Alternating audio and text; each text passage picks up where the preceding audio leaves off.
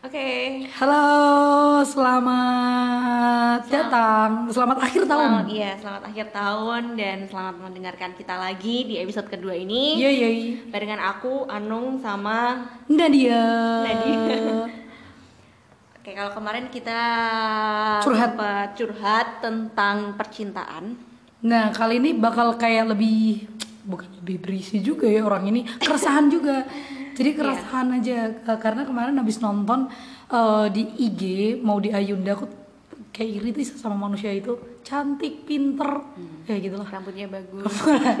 Benar-benar itu penting. Rambutnya bagus. Tapi oh iya kesamaan kita sama Maudi Ayunda. Oh, ada ya. Oh, oh iya, oh iya, putus. sama kamu deh kak berarti pacaran lama terus putus ya udah itu terus lagi nonton apa namanya eh, Instagramnya Mudia Awinda dia pernah ngeposting abis IG live kayak apa sih wawancara gitu sama eh, Menteri Nadiem Makarim. Oh, sama Mas Menteri ya. Mas Menteri. Nah kayak yang diomongin tuh kebijakan-kebijakan Nadiem Makarim yang sangat, pop- Sangat. populer nggak sih? Enggak ya? Justru nggak populer. Ini loh apa namanya yang kayak beda itu namanya apa sih istilahnya? iya berani lah ya Mendobrak. Nah, kayak gitu yang melegakan kalau menurutku. Hmm. Yaitu tentang UN tentang UN di yang dihapus. UN yang dihapus di masanya Mas Nadim ini. Eh tapi terakhir eh pertama kali ngehapus UN tuh pandemi gak sih? Tahun lalu. kan? Heeh, yang tahun lalu yang Berarti ini ini pandemi yang disyukuri. karena tapi alasannya kan alasannya sebenarnya UN dihapus bukan semata-mata karena pandemi aja toh. Karena emang sistemnya salah gitu loh dari Hmm. UN.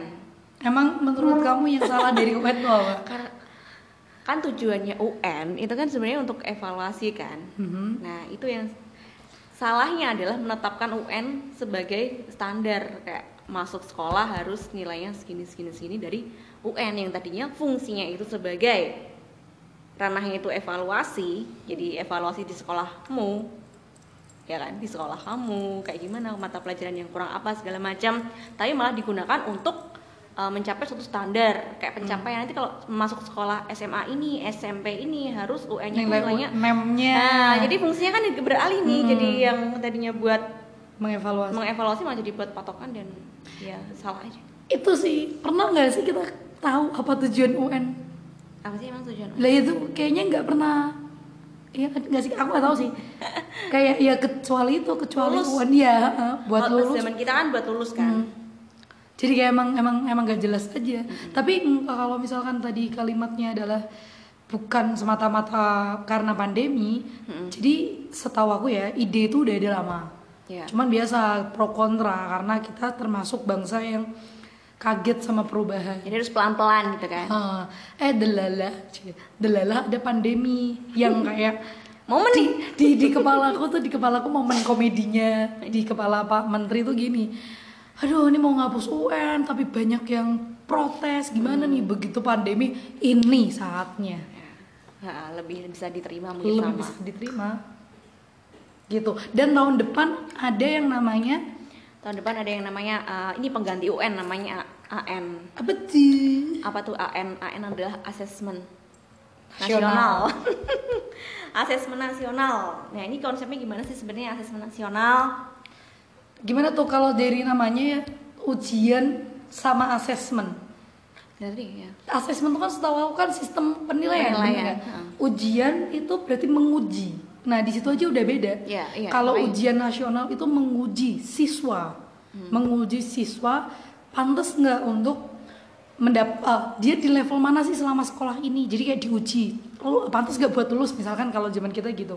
Yang namanya asesmen penilaian kita tuh mau menilai. Iya. Nah berarti kita punya standar nggak? Kalau ujian kan ada yang namanya kriteria apa sih? Iya dulu kayak minimal supaya bisa lulus. Oh itu Kalau berarti ujian. ujian tuh. Oh di bawah standar ini nggak lulus, di di atas standar ini lulus. Lulus. Itu uji. Tapi kalau asesmen tuh menilai kita punya patokannya nggak sih? Kalau di asesmen yang Hmm, sekarang. sekarang ya, yang Pak Nadim itu kayaknya fungsinya bukan untuk menstandar-standarkan gitu loh. Oh, karena fungsinya untuk memetakan katanya sih Hmm. gitu memetakan daerah-daerah mana sih sebenarnya yang kurang nih kayaknya literasinya di daerah ini kurang atau eh, lingkungan belajarnya di sini kurang sarana prasarana di sini kurang kayak gitu sih. Fungsinya di asesmen nasional eh, versi Pak Nadim setahu aku kayak gitu. Berarti kalau misalnya kita kita sekali apa namanya ngebedah nih Hmm. bedanya AN apa AN ya? AN sama UN itu berarti di tujuannya? Tujuannya beda ya tadi ya Terus? untuk menguji sama tadi menilai. menilai Memetakan. memetakan tadi ya untuk memetakan sama Terus kalau isinya kalau ujian nasional kan kayak apa teori belajar kita yang kita tahu selama sekolah. Mm-mm. kayak dari cuman kognitifnya aja dari Mungkin iya ya benar-benar kayak matematikanya gimana, fisikanya gimana, ekonominya gimana, sejarahnya gimana. Nah kalau AN, Kalau AN itu ada berapa kemarin? Ada tiga ya. mhm, Ada tiga, ada tiga yang uh, instrumen AN itu ada tiga AKM, survei karakter, sama survei lingkungan belajar. wah pintar sekali anda, sepertinya banyak pengetahuan. Sepertinya saya memang nyatet dulu guys. Ah, jadi instrumen AKM tuh apa tadi AKM tuh itu tuh kenapa sih kita kalau bikin nama tuh harus singkatan Indonesia tuh semuanya disingkat. Ya Indonesia udah. semuanya disingkat ya, supaya lebih enak aja. Ya udah AKM adalah AKM adalah asesmen kompetensi minimum gimana sih? asesmen kompetensi minimal. Minimal apa minimum? Ya, minimal ya. Oh Kalau iya. KBBI kayaknya minimal. Ya, siap. Nah, AKM tuh nanti dibagi lagi tuh jadi dua ya, literasi sama Numerasi. numerasi ya. Terus satu lagi, terus apa lagi tadi? apa? Kan AKM, terus AKM survei karakter sama survei lingkungan. Jadi nggak nggak cuman kognitif aja kayak ujian nasional. kalau zaman dulu, zaman dulu atau kalau nggak gini deh. Aku nggak tahu sekarang masih berlaku apa enggak. Apa? Setahuku dulu tuh ada rapotnya di rapot rapotku apa bukan ya? Apa rapot adikku gitu. Ada yang namanya kognitif, afektif, psikomotorik. Oh iya iya. Sama nggak sih? Beda. Itu kan di rapot toh. Iya, Maksudnya? maksudnya, penil itu Oh. tadi kan tiga tuh, maksudnya sama-sama tiga kan yang numerasi literasi, terus apa namanya survei karakter, karakter kan sikap, itu kan berarti sama kayak afektif. Terus yang satunya oh beda ya survei lingkungan. Survei lingkungan beda, tapi kayaknya emang tujuannya kan beda. Kalau di rapot kan penilaian per individu, tapi ini ditegasin bahwa di AKM ini penilaiannya itu nggak per individu, Hmm. jadi nggak ada rapot per individu. Tujuannya kayak tadi yang di awal memetakan Sekolah. eh, sekolah daerah-daerah gitu, yang butuh yang mana, yang udah bagus yang mana kayak gitu. Eh, kenapa Hmm? kamu menganggap ini sesuatu yang bagus? Kenapa ya? Aduh, aduh, aduh. Ini sesuatu yang bagus karena tadi kan ujian nasional sudah eh, dihapus karena tadi fungsinya yang salah tadi loh. Dan Mhm. Dan kenapa ini bagus? Karena ya fungsi dari penilaian kan harusnya tadi kan sekolah itu harusnya pemerintah tahu sekolah mana yang harus dikejar apa sarana prasarana biar biar equal gitu loh. Nah, Oh iya berarti gini, eh, kalau ujian nasional itu fokusnya ke siswa, kalau tadi ya memetakan sekolah. Jadi hasil dari asesmen nasional ini nanti adalah pemerintah tahu Heeh. keadaan sekolah mana yang perlu diberikan perhatian. Iya, jadi tujuannya hmm, syukur-syukur nanti bisa uh, sama nih aksesnya dan segala macemnya gitu di pendidikan khususnya. Ini disambut Jadi baik nggak- oleh lomba-lomba nih. disambut baik oleh orang banyak atau ada pro kontra sih? Tentu saja, Apa? Yang pro apa? Yang kontra apa? tentu saja nggak disambut sepenuhnya Oh, kayak iya? 100% baik ya bahkan terlepas dari enggak orang tuh biasanya ngeritik kritik AKM tuh malah ngeritik personalnya dari si Nadim yang Oh, bukan iya. dari backgroundnya bukan pendidikan lah segala macam lah gitu kan Aku sih nggak ngikutin. Emang Oh, iya. itu terjadi di Anda menonton di mana? biasanya di Twitter Oh Twitter. Sorry saya tidak main Twitter. Ya biasanya di Twitter tuh kayak "Eh, ini nih kebijakan Nadim nih ya kebijakan Nadim tuh terlalu mengagetkan semua orang jadi apa ya kita tuh terlalu kaget sama perubahan kita Mhm. terlalu kaget dan takut berubah nah itu sebenarnya yang harus kita kita hadapi bahwa ya emang emang kita harus siap dengan perubahan perubahan, betul betul betul Gitu. iya iya iya dan itu yang itu yang di highlight Pak Nadim di pas wawancaranya sama Modi Ayu Oh, ya gimana tuh? dia bilang kalau dia lagi beliau Beliau. beliau bilang kalau eh, dia sadar dalam lima tahun ini Aku sih pertama kali denger Ya. dalam lima tahun ini ya kayak lo jadi menteri lima tahun aja siapa tahu di tengah-tengah copot kan. Hmm. Tapi intinya nggak mungkin ada perubahan yang bisa dia lakukan, perubahan wow yang dia bisa lakukan dalam waktu lima tahun. Makanya yang dia ingin lakukan adalah kalaupun ada perubahan yang fundamental yang susah buat diubah, Diubah. lagi ke depannya. Nah termasuk yang mengagetkan mengagetkan seperti ini. Berarti potensi untuk eh, AKM eh kok AKM potensi untuk asesmen nasional ini diubah berarti kecil ya bisa jadi kecil karena Pak Nadiem udah mulai dari dasarnya gitu kan Heeh, jadi kayak kalau dia saya hampir sama kayak zonasi. Iya. Zonasi kan pro kontra. Iya. Tapi kalau ditilik itu menurutku nggak bakal zonasi itu dihapus. Kemarin tuh ada yang tiba-tiba temanku nanya, "Anak, zonasi itu bisa nggak sih dihapus?" Kalau aku aku jawabnya gini. Menurutku tidak karena ini mengarah ke dalam kepada hal yang baik. Karena kan memeratakan kan tujuannya. ya tujuannya. Walaupun ribet di sini, tapi kan cita-citanya adalah meratakan. Kayak AN ini tujuannya adalah memetakan supaya nanti pendidikannya Hmm. rata. Nah, gimana nanti struggle-nya emang kayak emang kita harus struggle karena kita tahu cita-cita itu bagus. Mm-mm. Jadi akan susah buat diubah kalau menurutku. Ya karena sebenarnya ketakutanku yang itu ketakutanku adalah ketika nanti ketika Pak Nadiem ini udah nggak memimpin sebagai menteri, apakah kebijakan ini bisa diubah lagi terus kita kurikulumnya pindah lagi ke Enggak. kurikulum 13 atau mungkin 26. Emang kita kurikulumnya sekarang masih 13 kan? Iya sih. Eh tapi kan ada perubahan ya. Iya, yang perbaikan tapi masih 13. Nah, Iya sih. itu juga itu keberanian menurutku M- Pak Nadiem mau mengulang kesuksesan itu yang dilakukan kalau nggak salah itu zamannya Anies Baswedan. Hmm.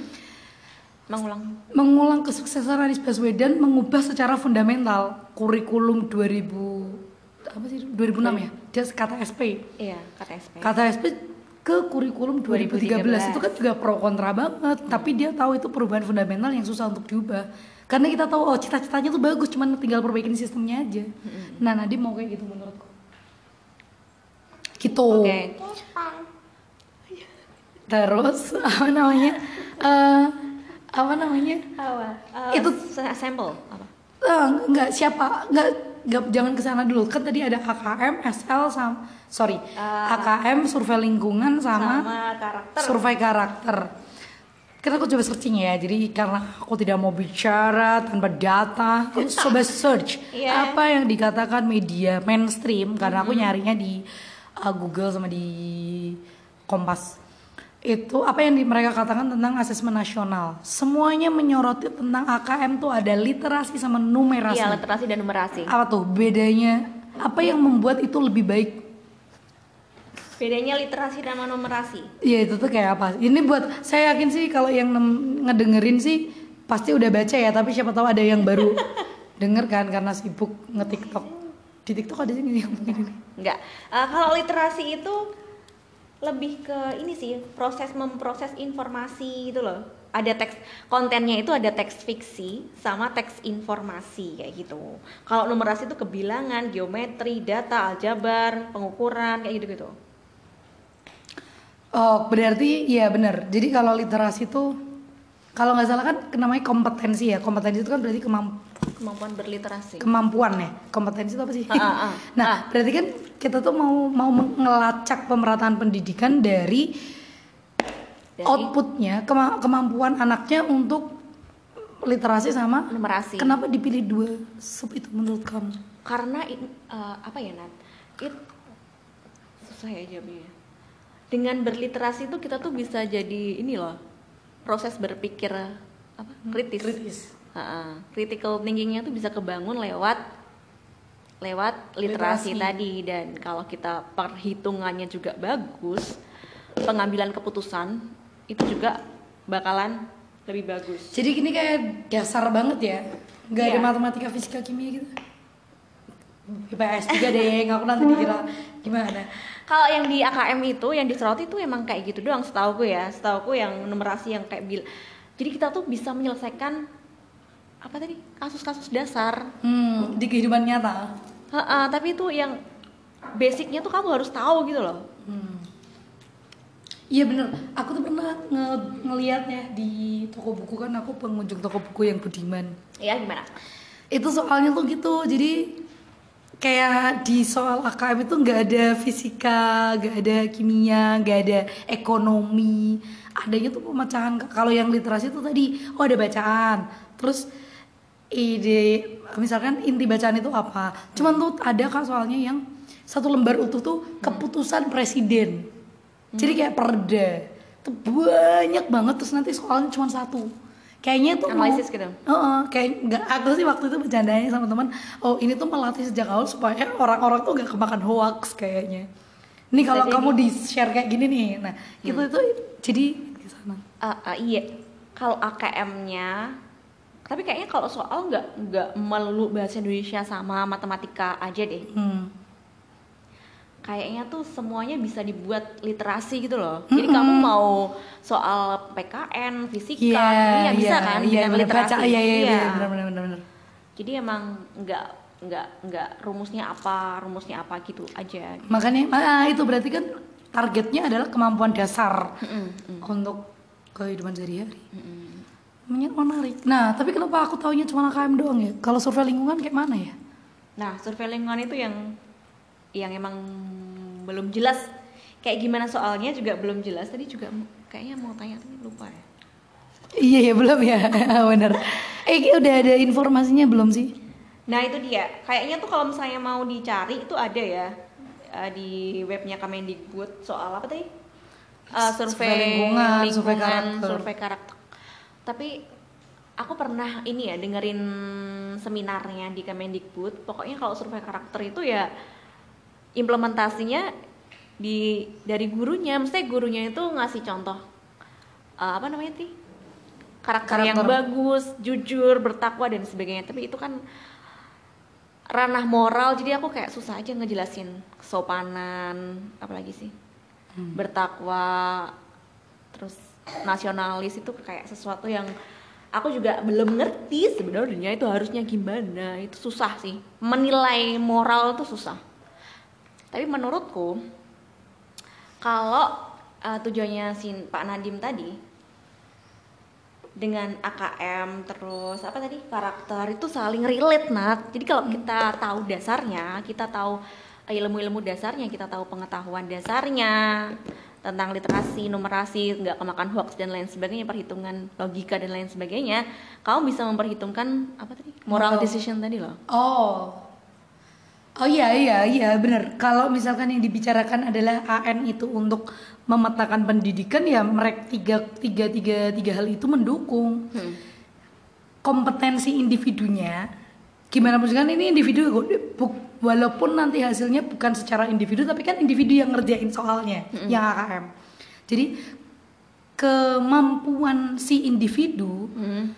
secara kognitif Iya, secara kognitif. itu nanti harus di harus Imbangi. berdampingan atau ber, diimbangi dengan Ah, ah. karakter Ah, yang, ah, yang moral yang baik, gitu. dan dua hal ini akan baik jika lingkungan belajarnya Baik. baik, makanya Iya, iya, tiga itu memang memang sesuatu yang sesuatu yang saling mendukung dan memang harus dipikirkan sih Iya, jadi kan makanya itu aku seneng banget kalau ada bisa ya, bisa terimplementasi sebaik itu sih ya. nah itu oke implementasinya sekarang menurut jadi itu aku baca aku nggak tahu kenapa Kenapa?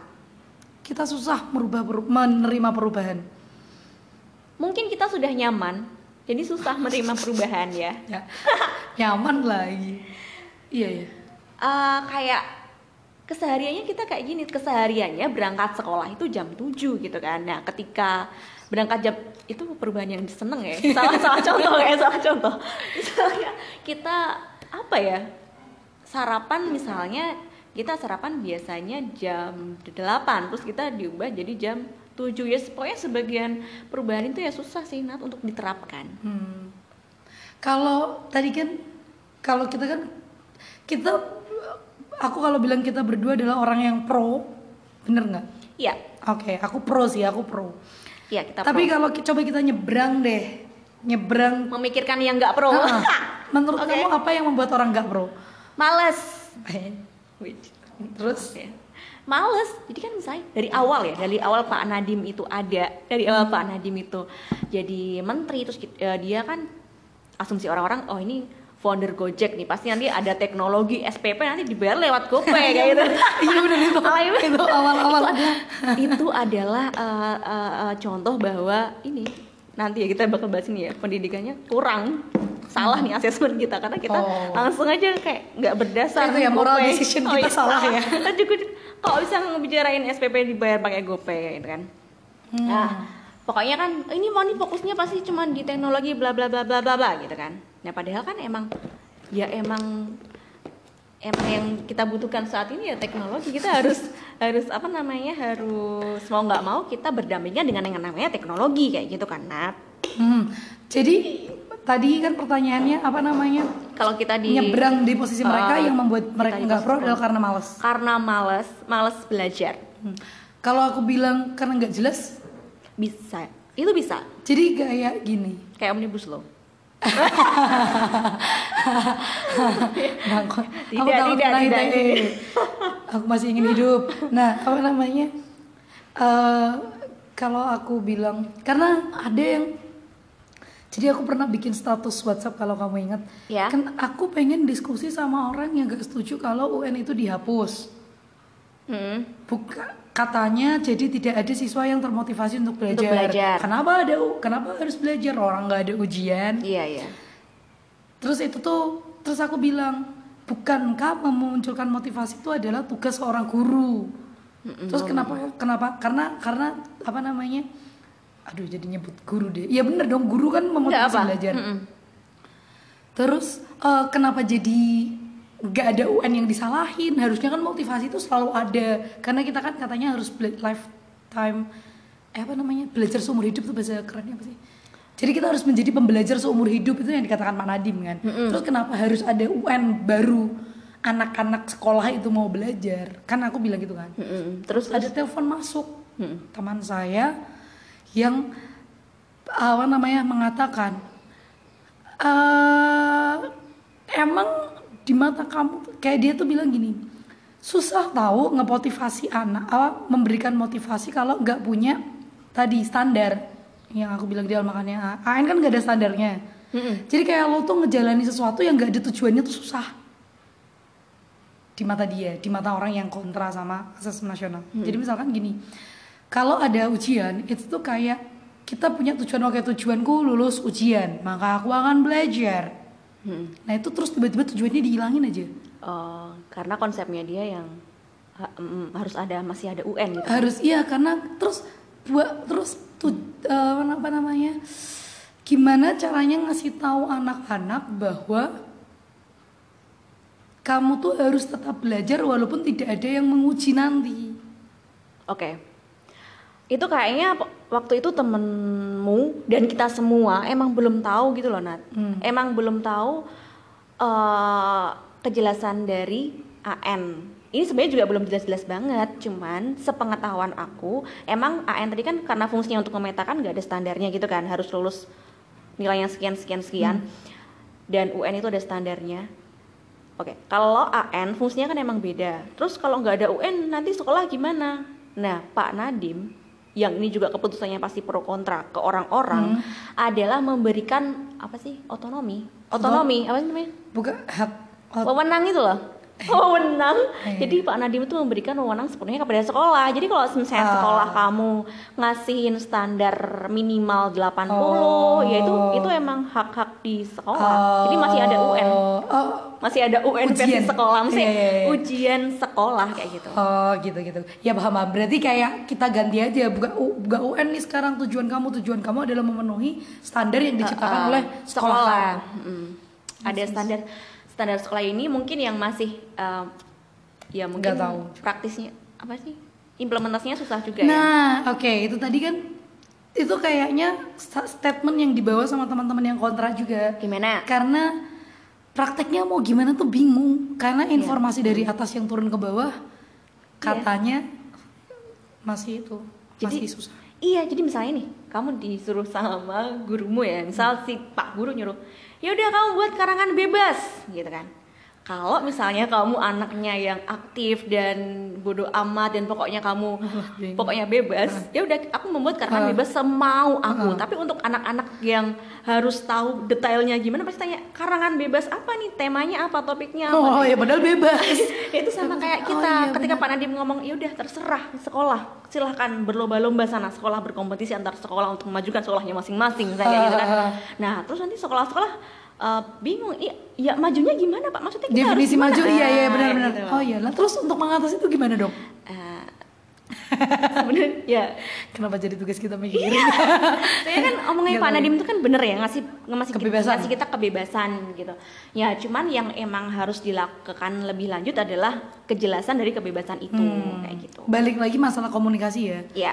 betul setuju sih. Aku selalu mengangkat itu pentingnya komunikasi. Lo tuh mau Hmm. lo mau ngasih kebijakan kayak gimana pun pendapat seperti apa pun kalau dikomunikasikan dengan baik itu ya pasti bagus. Dan komunikasi akan terjalin kalau kita tadi ya mau menerima perubahan. oh. Kalau kita udah nutup akses oh iya benar. perubahan, ah ya misalnya ya ah enggak ah aku kayaknya udah mau pensiun apa pensiun dini udah kayak nggak mau mikirin teknologi susah banget gitu kalau kita udah nutup akses kayak gitu kita mau eh, nanti capsek mau ngomong sesuatu atau rekan sejawat mau ngomong sesuatu misal antar guru itu udah nggak bisa nggak bisa Hmm. nggak bisa terjalin komunikasinya karena kita udah tutup akses kayak gitu oh, iya.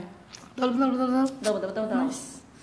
Oke, itu tadi kita sebagian besar kayaknya ngomongin tentang tujuannya. tujuan AKM dan kebebasan Apa kebebasan? eh ini aku pernah kan dengerin dengerin terus ya dari tadi ya. Dengerin satu aku, aku tuh kalau saya ada uh, seminar AKM gitu kadang-kadang uh, dengerin ya karena cukup interest gitu kan.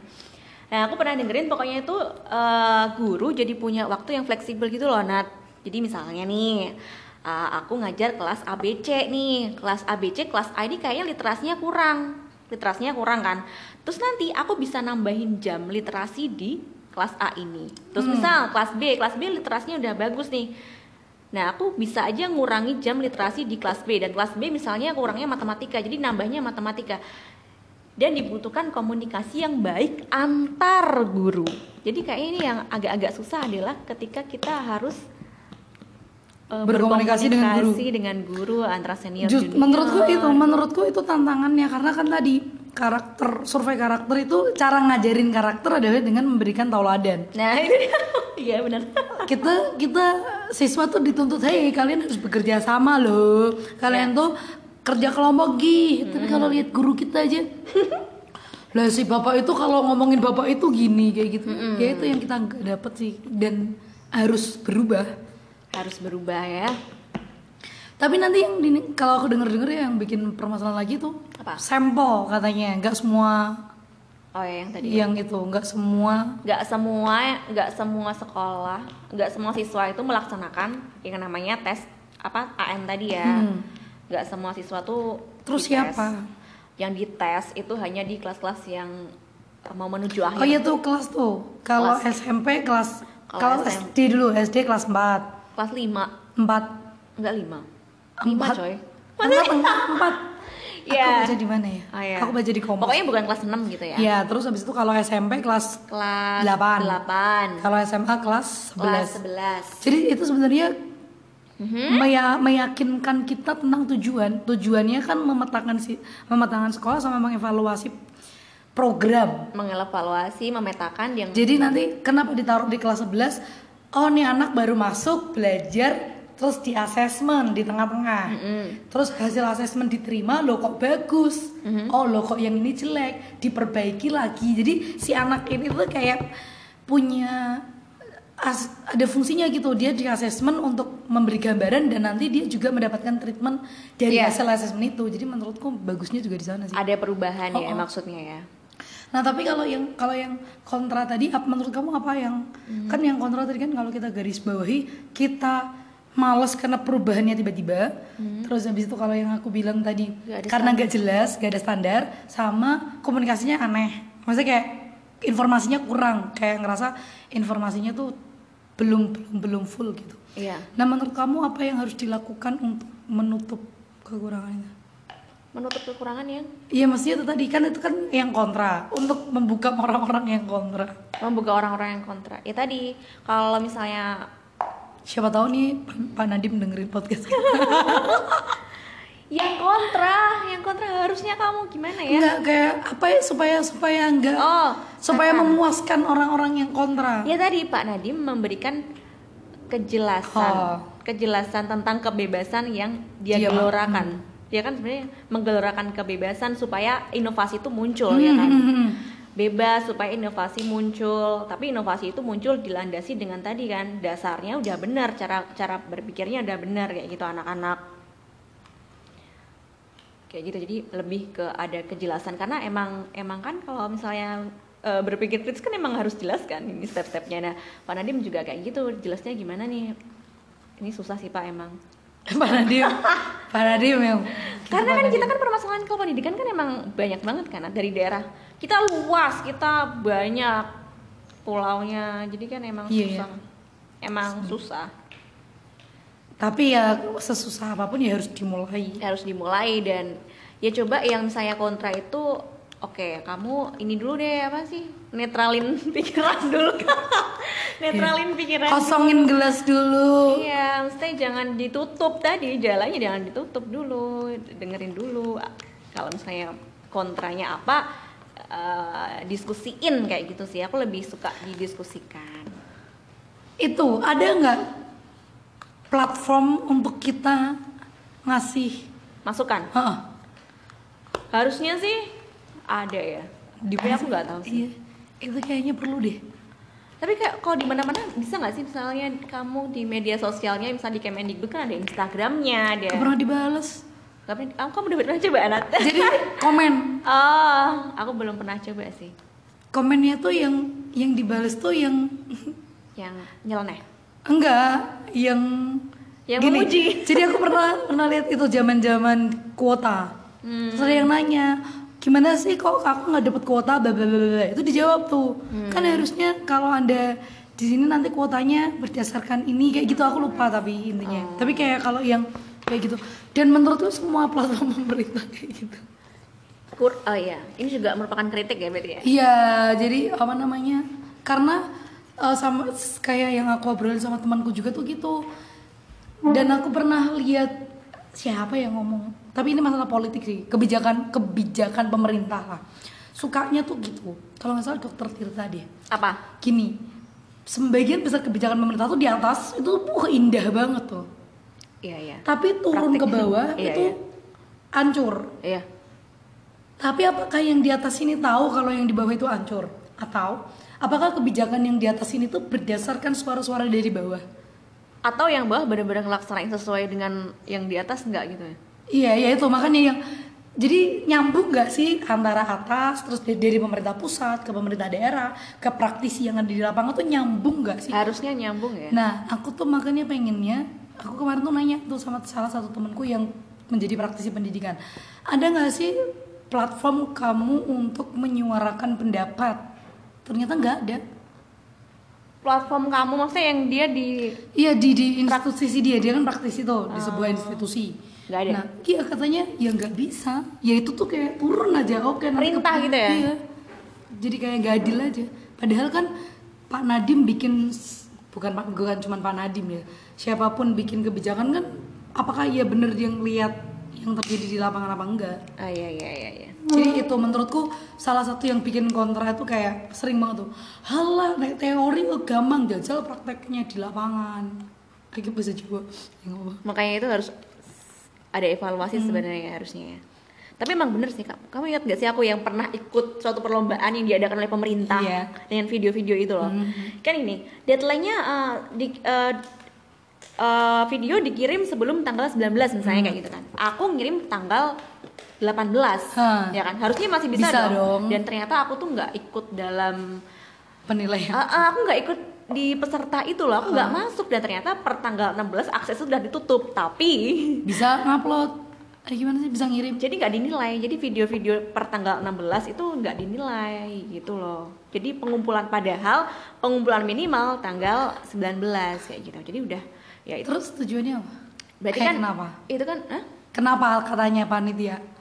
Ya dia nutupnya lebih awal aja berarti nggak sesuai sama apa yang ditulis kayak gitu loh nggak Iya. tahu kenapa alasannya Nggak ada, kenapa nggak ada. Oh, nggak ada, nggak ada kayak nggak ada penjelasannya penjelasannya. nggak ada penjelasannya Cu. itu yang menurutku juga yang perlu di eh, diperbaiki dari sistem di pemerintahan gitu loh. Komunikasinya ya. mm, cara dia treatment ngasih ngasih pelayanan ke publik kayaknya emang harus diperbaiki sih dari situ Iya, Padahal itu perlombaan perlombaan biasa sih sebenarnya.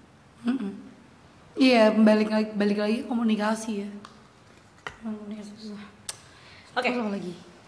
apalagi nih tadi literasi numerasi jadi sebenarnya nggak terpatok sama ini kan kalau dari apa namanya ujiannya AKM-nya itu emang kalau misalnya di di di di web itu tertulis kok literasi itu tadi ya informasi fiksi terus kalau numerasi lebih ke matematika gitu semuanya Mm-mm. ya mungkin emang tesnya kayak gitu ya Nat mungkin tesnya emang Kamu matematika belum pernah lihat soalnya? belum Nah, aku ya, aku, jadi soalnya tuh Hmm.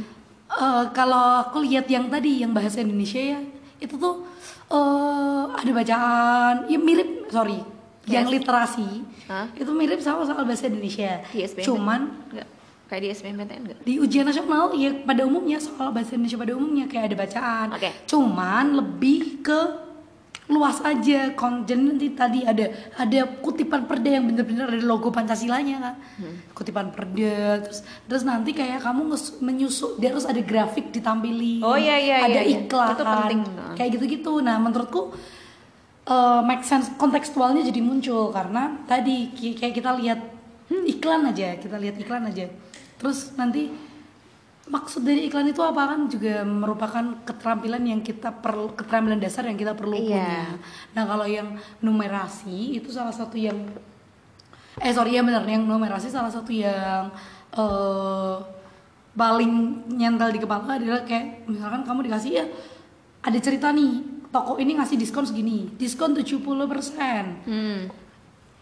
terus nah apa namanya plus diskon 50% itu kan kalau secara matematis itu berbeda maknanya dengan 70 plus 50 jadi diskon 120% Oh, iya, gitu-gitu. iya. jadi bener-bener tentang angka terus nanti tentang lihat grafik kayak gitu sih. Jadi menurutku lebih kalau aku lihat soalnya tuh lebih lebih lebih lebih bermanfaat untuk kehidupan sehari-hari. Iya, lebih kontekstual gitu tadi ya. Nah, emang sih soal AKM-nya kayak gitu. Emang soal yang diujikan untuk tujuan tadi memetakan yang eh, orang-orang tadi bilang nggak ada standar nasionalnya. Emang kan tujuannya kan emang bukan untuk menilai, Menilai, ha. kan. Nah, itu untuk AKM. Tapi sebenarnya konsep konsep bahwa pembawaan soal itu ke kontekstual dan lain sebagainya itu kan sebenarnya bisa diterapkan di semua mata pelajaran ya, ya kan? Jadi kalau kita buat soal kita.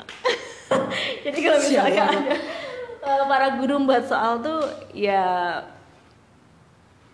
ya harusnya kontekstual gitu ya Nat. Pengennya kayaknya pengennya eh, adanya asesmen nasional tuh kayak gitu deh untuk bisa membedakan itu. Ek- pemikiran ekstrim yang aku punya adalah ke depannya kurikulum kalau nih asesmen nasional udah berhasil nih hmm? kayaknya kita bakal ke arah gak perlu belajar semua hal. Iya emang kayak gitu kan harusnya capek nggak sih? Kayak aku tuh sekolah tuh ya Allah. Ini udah ke pendidikan nih berarti ini. Ya nggak tahu. Ya kan itu maksudnya. Iya sekolah mata pelajarannya banyak banget. Iya karena karena kan salah satu keresahan bukan keresahan ya. Salah satu pertanyaan besar ketika ada asesmen nasional yang cuman mencakup numerasi dan liter- literasi lalu ke mana mata pelajaran yang lain, Yang lain. terus kan tapi di dijawab di eh, Sekolah. se- di aku berarti bilangnya ujian sekolah iya mungkin. terserah sekolah Ah, gitu terserah ya, sekolah ujian standar-standarnya. sekolah. Nah, nah, tapi kan kalau kamu tadi bilang eh, model soal kontekstual itu bisa diikuti oleh eh, mata pelajaran yang lain, kan Hmm. berarti kalau kita ngomongin kontekstual tidak semua konteks yang kita sajikan kontekstual untuk siswa ngerti nggak? Misalkan gini, misalkan gini. gimana eh, aku suka eh, ekonomi misalkan. hmm? Aku membuat soal ekonomi yang kontekstual. Mm-mm. Menurutku, menurut pelajaran ekonomi. Mhm. Tapi buat orang yang tidak suka ekonomi, gimana pun juga itu kayak gak kontekstual buat dia. Enggak. Karena dia nggak minat. Karena ya? nggak dia minat, heeh. Ya, ya, maksudnya ke, di kepalaku tuh ekstrimnya ke depannya tuh kita bakal gitu, udah mulai siswa itu nggak harus belajar semua mata pelajaran. bisa ya kayak gitu ya menurutku nggak tahu sih menurutmu gimana menurutku menurutku itu adalah cita-cita. Maksudnya banyak orang yang berpikir seperti itu karena emang mata pelajaran kita terlalu banyak. Tapi untuk implementasinya aku nggak ngerti sih. Masih mungkin jauh. mungkin nanti kayak ada yang ini kan udah dimulai diterapkan kan? Kayak siswa milih. Iya. Milih maksudnya basic keterampilan Yakin dasarnya milih? ada ya. yakin peminatan itu sesuai peminat siswa. Gitu ya? Nggak tahu. Tahu sih aku. Kayak kita geser banget ya ini ya kalau topiknya udah ke pendidikan. Uh, kalau aku nggak ngerti solusi untuk kayak mata pelajaran kita dari awal kan emang banyak dan nanti solusinya gimana supaya mata pelajaran itu jadi sedikit terus jadi misalnya nanti siswanya milih misalkan kayak yang apa yang tadi malam aku juga nonton yang Panji ngomong katanya kan bakat anak beda-beda gitu kan bakat anak yang suka matematika sama yang Katanya suka gambar itu dari Panji. beda. Oh iya. kan beda gitu. bukan Panji manusia ular Panji Pragiwaksono. Panji Pragiwaksono guys. Beda terus?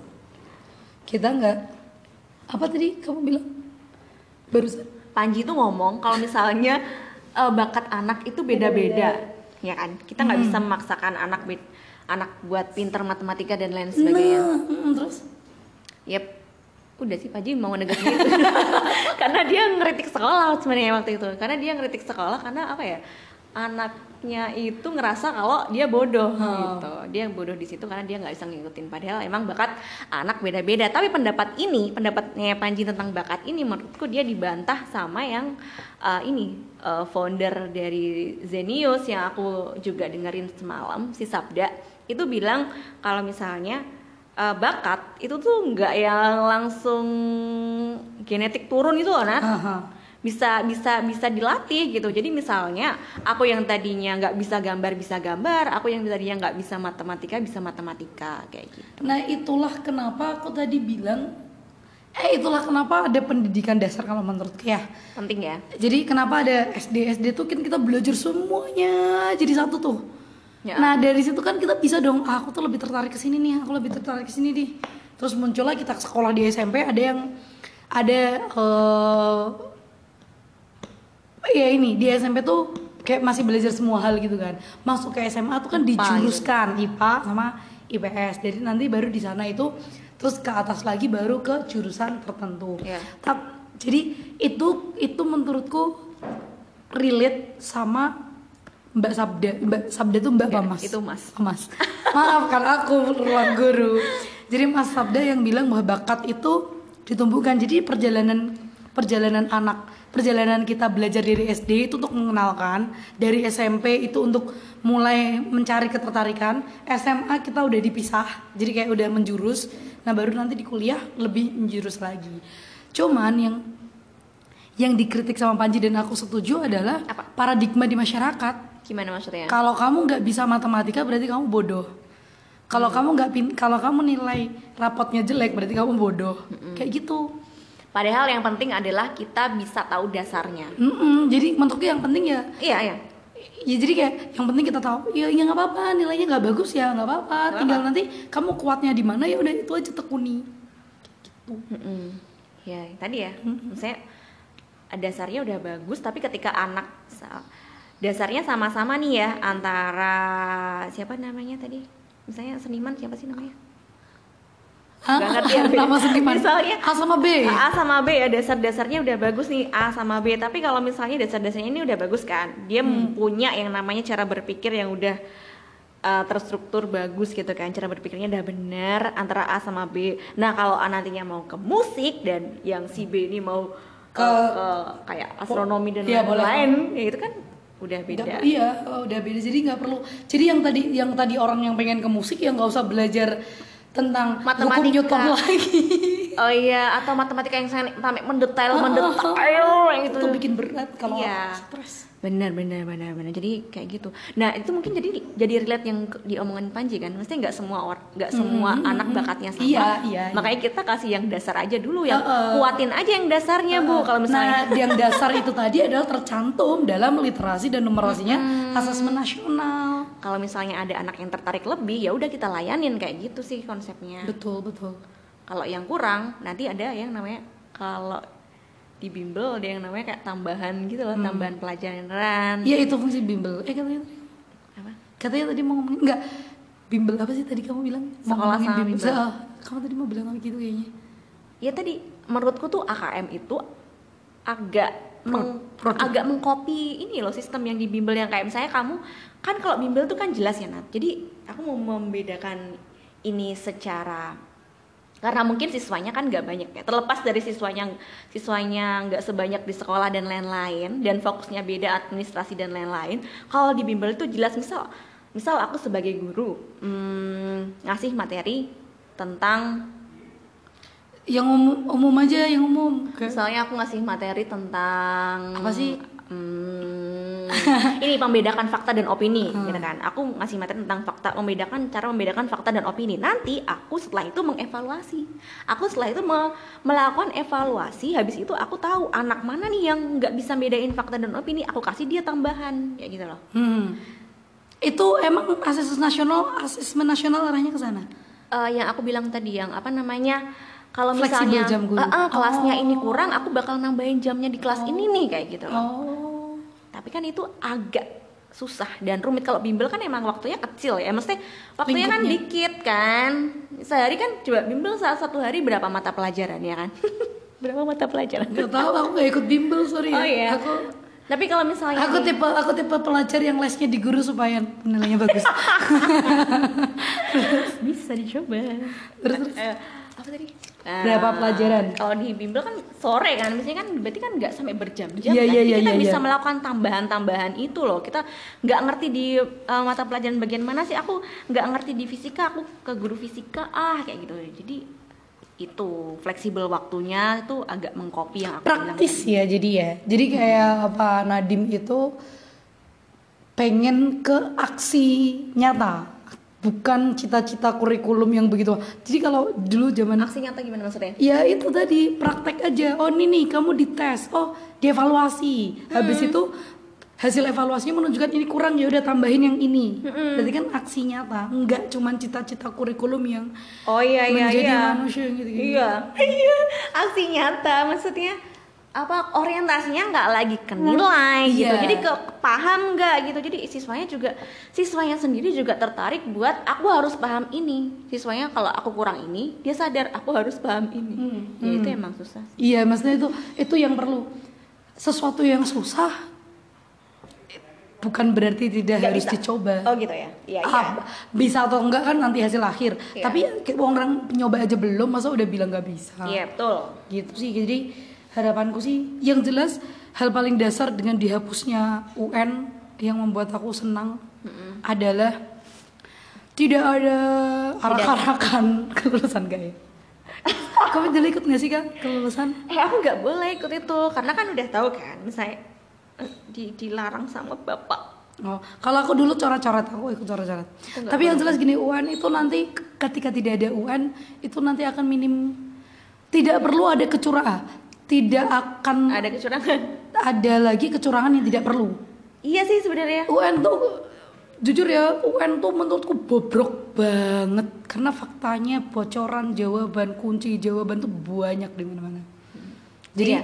jadi dengan tidak adanya UN setidaknya kita menutup keti- kecurangan yang tidak perlu. menutup kecurangan yang tidak perlu dengan catatan tadi ya kejelasan maksudnya nah takutnya nih kalau misalnya Pak Nadiem udah ngasih ke, apa Kebebasan. kebebasan, tapi eh, seko- ada sekolah yang gimana ya maksudnya tidak bisa mengimplementasikan itu Malah gagap. nah takutnya malah jadi merosot Hmm. dan lain sebagainya Iya. Oh iya, gini salah satu kritiknya. Jadi kan aku baca yang itu loh yang Apa? aku cerita.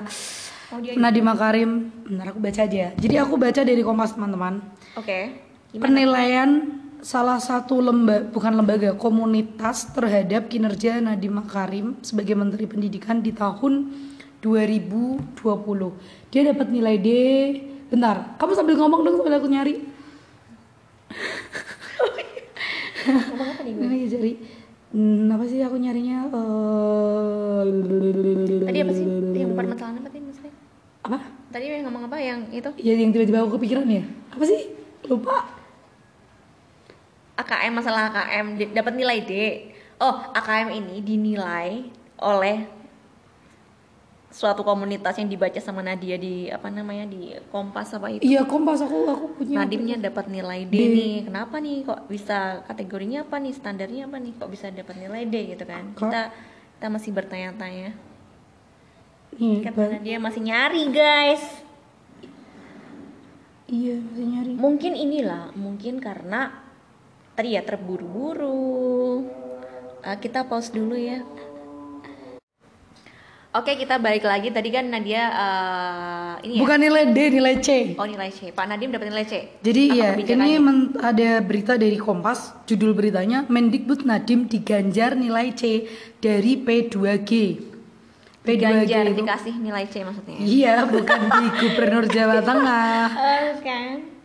P2G adalah pengurus nasional Perhimpunan Pendidikan dan Guru. P4 dong harusnya. Apaan sih ini nggak tahu. Ininya gimana?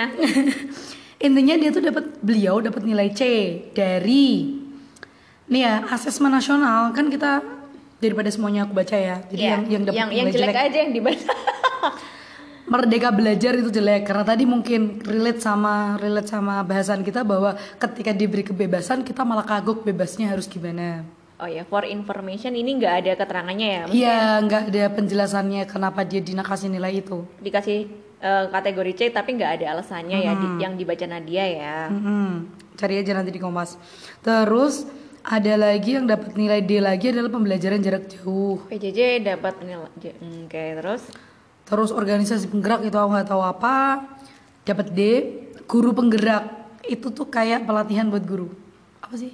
guru penggerak oh, pelatihan buat guru jadi guru dilatih buat apa namanya bikin RP satu lembar nanti diupload di apa guru, guru penggerak terus kita jadi belajar bisa belajar dari si guru penggerak itu gitu loh Oke. yang- Mm-mm, Itu dapat nilai C. Nah, asesmen nasional Maret 2021 dapat nilai D.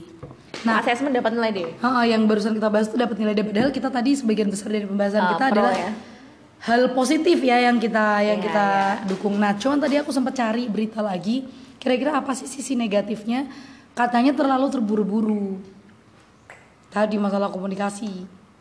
oke Jadi itu menurutku kenapa dia dapat nilai D. ini tapi nilai A B C itu nggak ada standar nggak ada tadi nggak tahu ya di sini nggak jelas ya soalnya Enam, angkanya ada. oh, angkanya ada angkanya asas nasional 60. 60 Kuota internet dapat nilai D.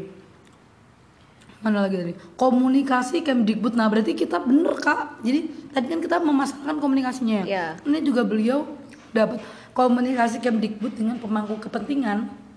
Nah itu mungkin lebih diperjelas lagi nih, apalagi yang yang mengimplementasikan itu kan yang di, Di daerah ada, Hmm, hmm.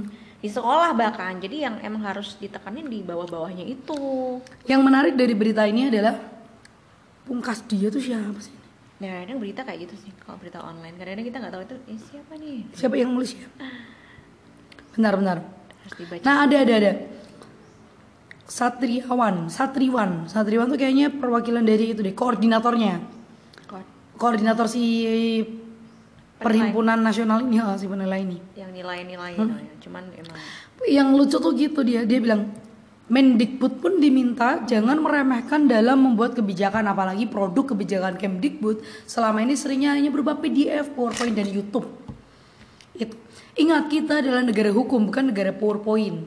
Untuk aspek komunikasi Kemdikbud dengan semua kepentingan kami berikan nilai 70 atau merah. Jadi itu ternyata memang benar bahwa masalahnya adalah di komunikasi komunikasinya Pak Nadiem berarti kurang gitu ya Hmm, mungkin karena tek, apa namanya kemajuan teknologi yang beliau kuasai ya. dan kebebasan yang dia gelorakan ya. jadi kayak PPT nggak masalah sebenarnya di mata Pak Nadiem cuman itu jadi masalah di mata sebagian orang kayak gitu jadi lebih Apalagi orang bawah, sorry, pelak, kayak praktisi ya kayak ini dasar saya melakukan ini apa? Jangan-jangan saya salah kayaknya gitu. jadi lebih diperjelas saja Bapak kayaknya kalau misalnya udah jelas jadi enak mungkin ya Hmm. Jelas standarnya standarnya lagi eh, bukan standarnya, apa ya cara mungkin.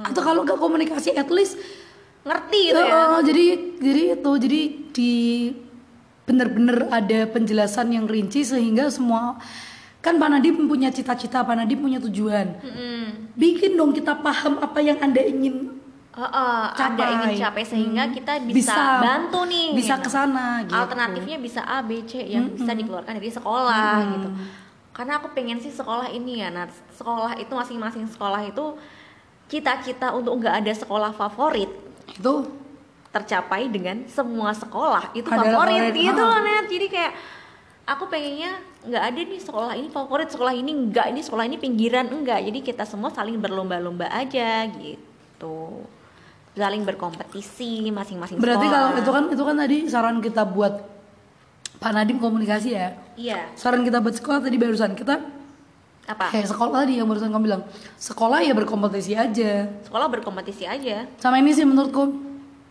memaksimalkan potensi yang ada. maksudnya Sorry. Maksudnya adalah kekuatan masing-masing sekolah tuh pasti beda. oh iya Ya itu mem, ya pot, jadi maksudnya prestasi gitu hmm, dari segi prestasi ataupun Serah. lingkungan belajar. Misalkan gini, sekolah yang ada di kota kan tadi survei lingkungannya. Sekolah yang ada di kota. sekolah yang ada di kota berarti kuat teknologinya anak-anaknya. Iya nggak? Heeh. Ya udah berarti bagaimana caranya program pendidikan yang ada di sekolah itu nguatin teknologinya. Gak usah yang balik-balik ke tradisional apa misalkan kayak ya emang gak bisa buat tradisional ya udah kuatkan aja cuman jangan sampai menghilangkan nilai-nilai tradisional. Buat sekolah yang ada di kan kadang gitu tuh. Ya pantas sekolah yang ada di kota maju kan mereka teknologinya terpenuhi. Iya. Kita yang ada di kampung belum bisa. dipenuhi. Nah, ya tapi kan pasti punya dong kekuatan apa di sana misalkan kalau bayangan aku ya sekolah yang di bukan bukan di kota ya di daerah. Di daerah itu berarti nanti kuat di gotong royongnya. Misalkan kuat di alamnya. Ya manfaatin itu belajar kan juga. Ya udah kalau memang kamu kuat di alamnya ya gali sesuatu yang bisa Iya, iya, iya. memunculkan prestasi dari sana. Jadi gitu sih setiap sekolah dengan diberi kebebasan kalau misalkan sekolah itu bingung harus gimana, pondasinya adalah manfaat. Cari aja dulu kekuatan sekolah Anda itu apa. Iya, iya. Habis itu bareng-bareng memberdayakan semua. Jadi benar-benar ngasih contoh ke siswa bagaimana proses eh, memanfaatkan sumber daya lingkungan, bagaimana kuatin aja yang kamu punya gitu ya berarti ya dan menjalin ko- kolaborasi satu tim sekolah itu. ini berarti jawaban yang ini loh jawaban yang aku kan sempat bertanya-tanya kan apakah bahasa Jawa nantinya itu bisa nggak ada gitu kan Hmm. karena karena karena anak-anak sekarang nggak minat dan segala macam ya mungkin dengan adanya adanya apa namanya asesmen ini dan segala macam kita bisa yang namanya ningkatin per daerah itu bisa yang namanya mengunggulkan bahasanya masing-masing jadi Mhm. melestarikan bahasanya masing-masing Jawa Sunda itu masih bisa Bersa- ya, iya masih bisa dijaga Iya dan iya iya. Karena tadi per, per daerah Iya. memanfaatkan yang ada. Betul. Ini kita eh, waktunya sudah hampir habis ya. Iya benar. Padahal ini kalau misalnya membahas pendidikan tuh masih banyak banget masalahnya. Tapi tapi tapi balik lagi buat siapa pun yang mendengarkan, ya. kita bukan ahli pendidikan. Ya, kita bukan. Kita Ahli. ngambil sudut pandang Yang ringan. orang awam. yang kita tahu dari sudut pandang orang awam. Jadi kalau ada salah-salah boleh ada komen gak sih di podcast tuh? Nggak tahu. Nggak ada sih. Bisa nge DM pribadi aja maksudnya kalau emang kita ada yang salah, ada yang perlu dibenerin kasih tahu kita. Yap. Gitu. Gitu aja. Karena obrolan kita ini basicnya kan kembali lagi ya obrolannya ringan gitu loh. Jadi apa pun topiknya berat, kalau kita yang bawain jadi ringan. Maksudnya ringan tuh tetap bermutu tapi ringan ya. aku nggak nggak aku kita nggak usah nggak nggak usah Nggak usah perpatokan ya. bermutu apa enggak Kita pokoknya pengen usah- ngomong aja Iya, kita nggak usah menerapkan standar ya, karena standar itu bebas aja kita mah standar itu membuat kita tidak berinovasi. kalau Pak Nadim punya merdeka belajar kalau kita merdeka bicara Kayak merdeka bicara. Kayaknya pernah dengar. Merdeka Iya. bicara apa sih? merdeka dalam bercanda itu Panji Oh. oke guys Oke, sampai Thank you. jumpa di podcast kita selanjutnya. Bye.